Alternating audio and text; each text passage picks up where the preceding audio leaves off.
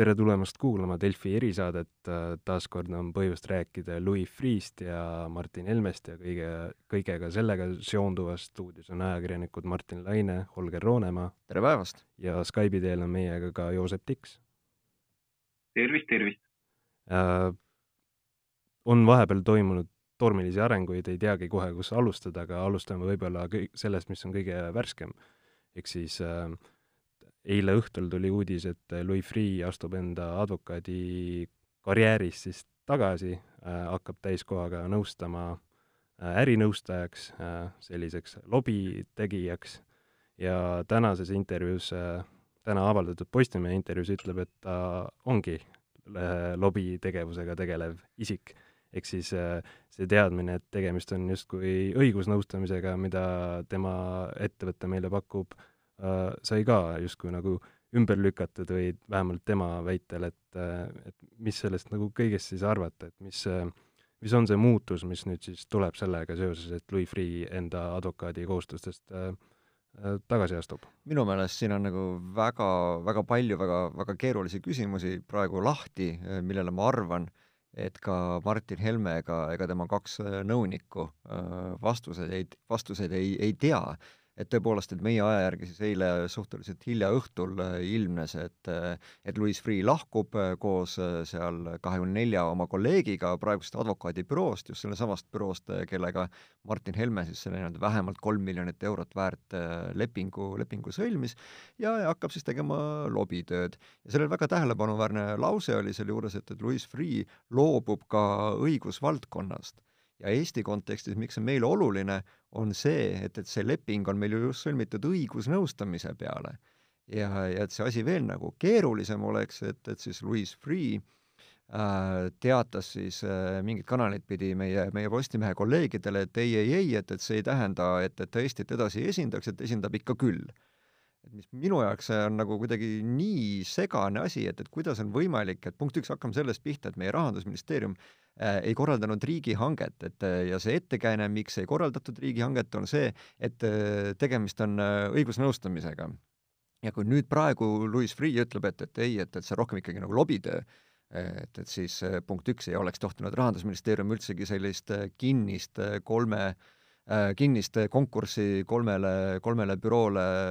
eksklusiivselt korraldada punkt kaks, et kui meie oleme, küsime, küsinud Rahandusministeeriumi käest välja neid samu lepinguid ja dokumente, siis üks kahest põhjusest, üks kahest peamisest põhjusest, miks äh, Rahandusministeerium on meid alati kukele saatnud, on, äh, on, on see, et äh, tegemist on õigusvaidlusega ja, ja sellega seotud dokumente ei, ei tohi, ei tohi avalikustada mis iseenesest on juba kentsakas äh, väide niikuinii, aga nüüd tuleb välja, et, et see tegemist ei olegi õigusvaidlusega, nüüd on tegemist ikkagi lobitööga ja, ja seda puudutavad lepingud peavad igal juhul avatud olema, nii et mulle tundub, et kogu see punt mängib ennast jõuga järjest rohkem nurka. ja et äh, täna, see täna ilmunud intervjuus oli Louis Freeh'lt ka teisi märkimisväärseid seisukohti, sai ta kommenteerida ka neid äh, vanu asju, eks ole, et, et kas on huvide konflikt, väidab, et ei ole üldse huvide konflikti see on hästi tähelepanuväärne, tähelepanuväärne on see, et, et Louis Freeh siis äh, näitas äh, äh, Postimehe ajakirjanikule ühte väidetavat tõendit, mis näitab, et Danske Bank polnud selle case'iga mitte kuidagi seotud. ja, ja Postimehe enda toimetus tegi faktikontrolli, milles siis avastas, et seesama tõend pärineb aastast, oli ta vist kaks tuhat kolmteist, et hilisemates tõendites absoluutselt on Danske Bank nagu väga-väga-väga märkimisväärsel kohal äh, kogu, kogu selles äh, toimingus, kogu selles protsessis. ja, ja, ja lisaks Louis Freeh jätkuvalt kuna ta käest ka ei, ei küsitud ega ta ka ise seda teemat üles ei tõstnud, ei, ei öelnud, et, et mis siis tema seos Prevezoniga on, et, et ta väidab jätkuvalt, et ta ei ole kunagi mingit seost olnud,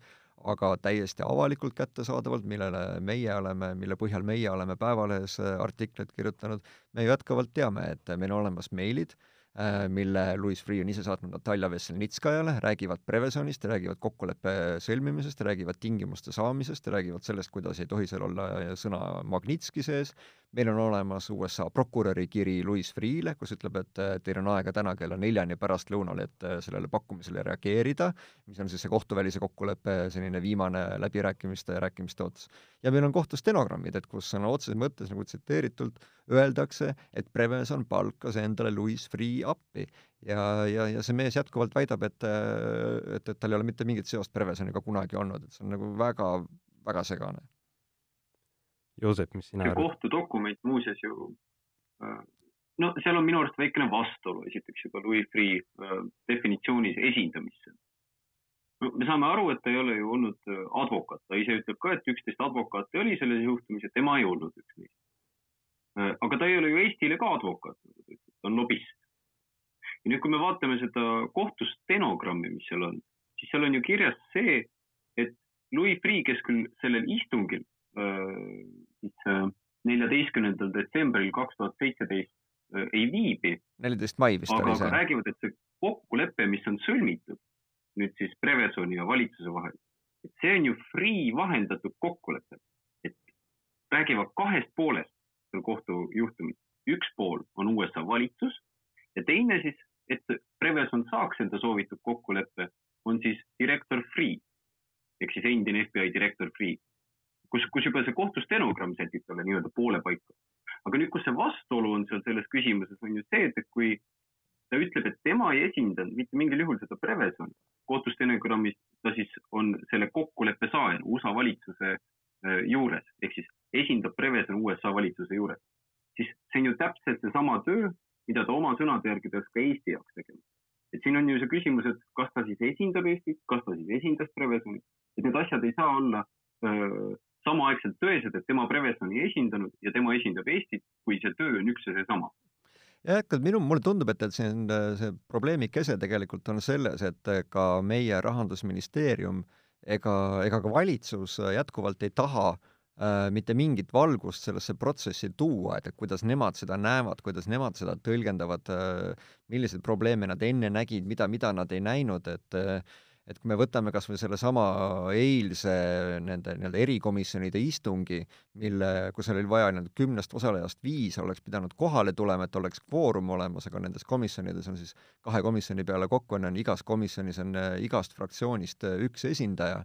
ja mis tähendas seda, et, et äh, kõik kuus koalitsioonisaadikut teadlikult boikoteerisid seda üritust, see on nagu täielik ringkaitse, ringkaitse millegi osas, kus on nagu sellised nagu väga sügava korruptsiooni ilmingud, äh, ma ei tea,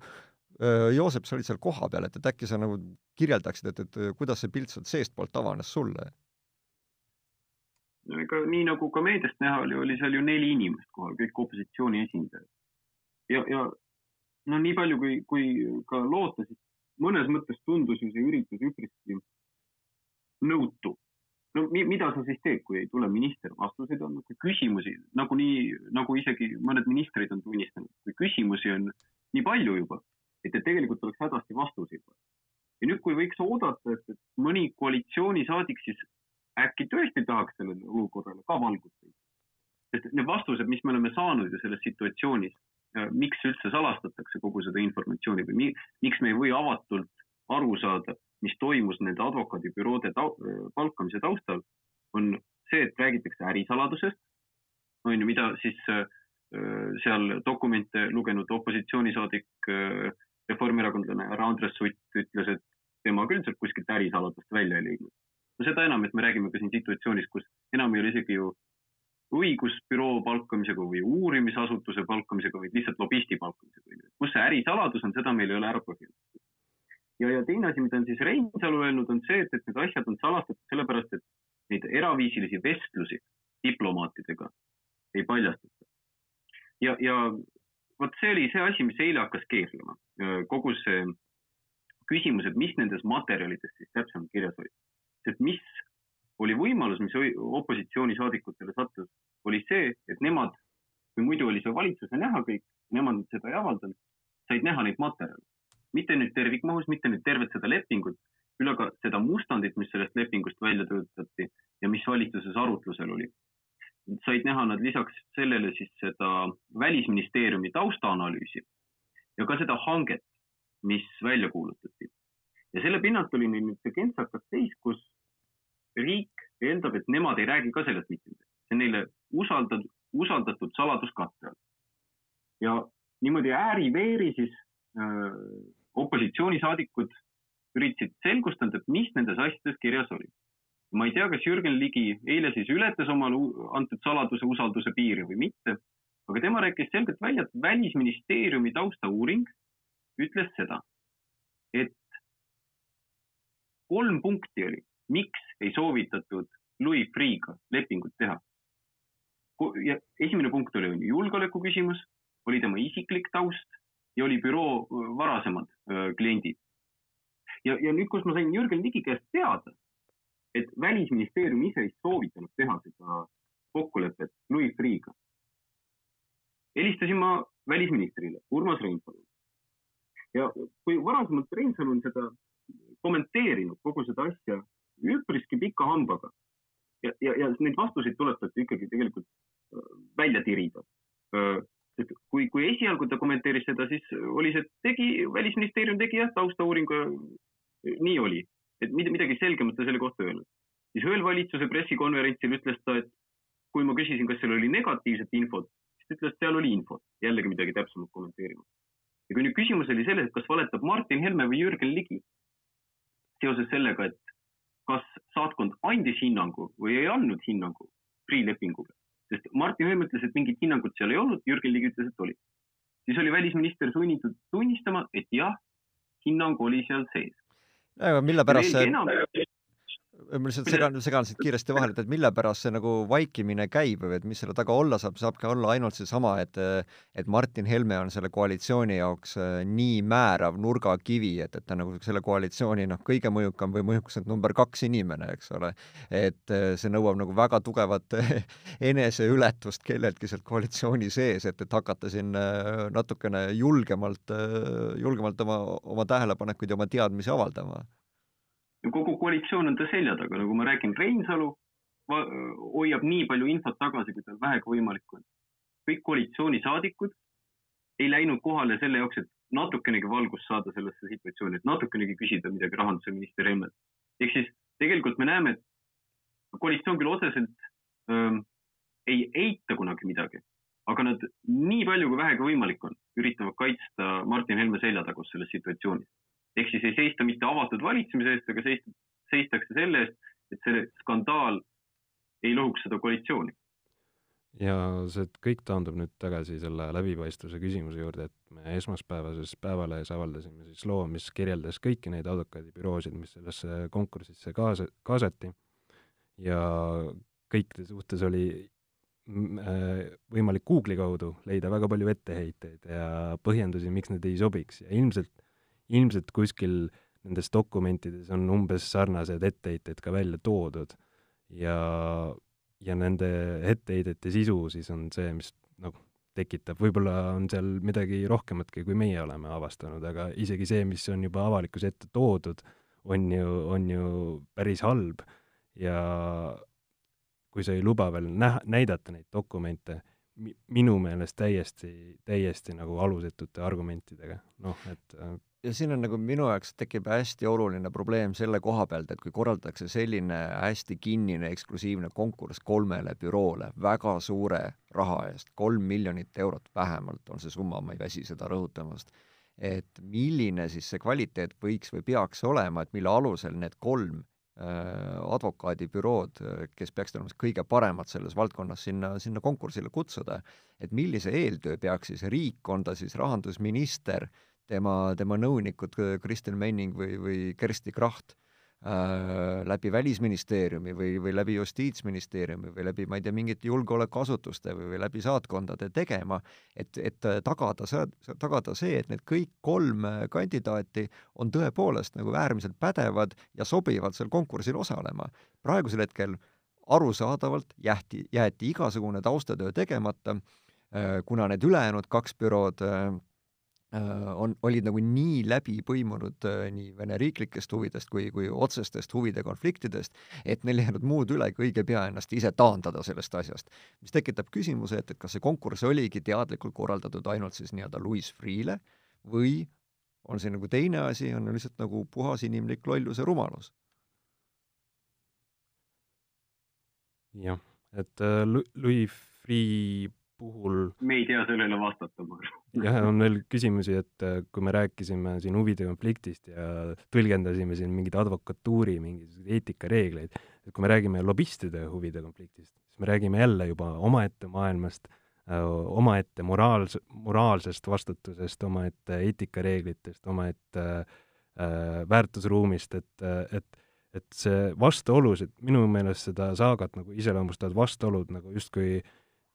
toimub mingisugune uurimine, mida üritatakse paaniliselt takistada, samal ajal tegelikult toimub hoopis lobitegevus ja tegelikult ei toimu üldse mingisugust uurimist ja me ei uuri midagi ja me ei saa ligipääsu mingitele väga delikaatsetele andmetele, et, et need osapoolte vastukäivad ütlused on tegelikult üsna humoorikad juba ja minu meelest Louis Freeh ka väga oskuslikult nendes intervjuudes, nendes äh, väljaütlemistes surub ka valitsust tegelikult ju nurka. et kui Louis Freeh kohta tuli see teade, ta juba samal päeval, paar tundi hiljem teatas läbi Postimehe, et et see ei muuda meie lepingu osas midagi ma ei ole kuulnud siiamaani, kas äh, Rahandusministeerium leiab samamoodi, et see ei muuda mitte täpselt, et me ei tea seda ja me ei tea, et, et kuidas Louis Freeh on ise sinna nii-öelda lepingusse sisse kirjutatud või mitte, et kuna meile seda lepingut ju mitte mingis osas ei näidata, et on täiesti võimalik ta on inimesena või ettevõttena või just täpselt, et sinna lepingusse võib tegemist sisuliselt uue ettevõttega, kes et, hakkab meid esindama. et lepingusse võib olla sisse kirjutatud, et seda meeskonda juhib äh, sellesama FSS advokaadibüroo mingi juhtivpartner Louis Freeh isiklikult, noh näiteks nii-öelda nii-öelda tema advokaaditunnid võivad olla sinna sisse kirjutatud. aga nüüd tekib olukord, kus mees nii-öelda, mees ise ütleb, et, et ta lahkub advokatuurist või lahkub õigus, õigusvaldkonnast, kuidas see täpne tema sõnastus oli inglise keeles, eks, et, et, et see järelikult see leping nagu ei, ei olegi enam täidetav üldse, minu meelest on see tegelikult nagu väga hea alus ja võimalus see väga õnnetult sündinud leping tühistada ja siin jõuamegi võib-olla kokkuvõtva osani, et äh, mida need siis viimased arengud äh, teie hinnangul tähendavad, et äh, mis peaks nüüd edasi saama lähimate päevade jooksul, mis peaks edasi saama, mis saab? no lähimate päevade jooksul, mida me teame, mis avalikkuse puhul peab juhtuma hakkama, on see, et, et esiteks minu matemaatika järgi varsti tiksub Jüri Ratta tähtaeg kõige esimesele, kas oli Andres Suti ja, ja Maris Lauri päringule vastamise osas mille nad esitasid äh, kas see oli eelmisel nädalal või, või üle-eelmise lõpus, eks ole, et äh, sealt võiks, võiksime saada esimese arusaama, et, et kuidas Jüri Ratas sellesse teemasse tegelikult suht-, suhtub. teine asi, et, et ma ootan nüüd jätkuvalt või ma eeldan, et, et opositsiooni needsamad saadikud, Jürgen Ligi, Andres Sutt, Äh, Katri Raik kindlasti, et nad ei jäta seda eilset äh, nii-öelda ülbamist ja ringkaitset sinnapaika, vaid nad äh, pressivad, pressivad edasi, et, et me teame, et, et noh, avalikkuses nad on saatnud pressiteateid välja, et, et nad on esitanud analoogseid päringuid Välisminni ra-, sinna raha, vabandust, Justiitsministeeriumisse ja nii edasi, et seda survet nad, nad hoiavad kindlasti peal, et, et see on see, mida, mida, mida nemad teha saavad. ja siis kolmandaks, mis on nagu kõige olulisem asi, on, on see, et, et mis hetkel avaldab äh, Riigikantselei selle nii-öelda analüüsi, mille siis Jüri Ratas nende käest eelmisel nädalal tellis, ja selle sees äärmiselt oluline on, on see nüanss, et äh, millise, millise lähteülesanne, ülesande või millised lähteülesanded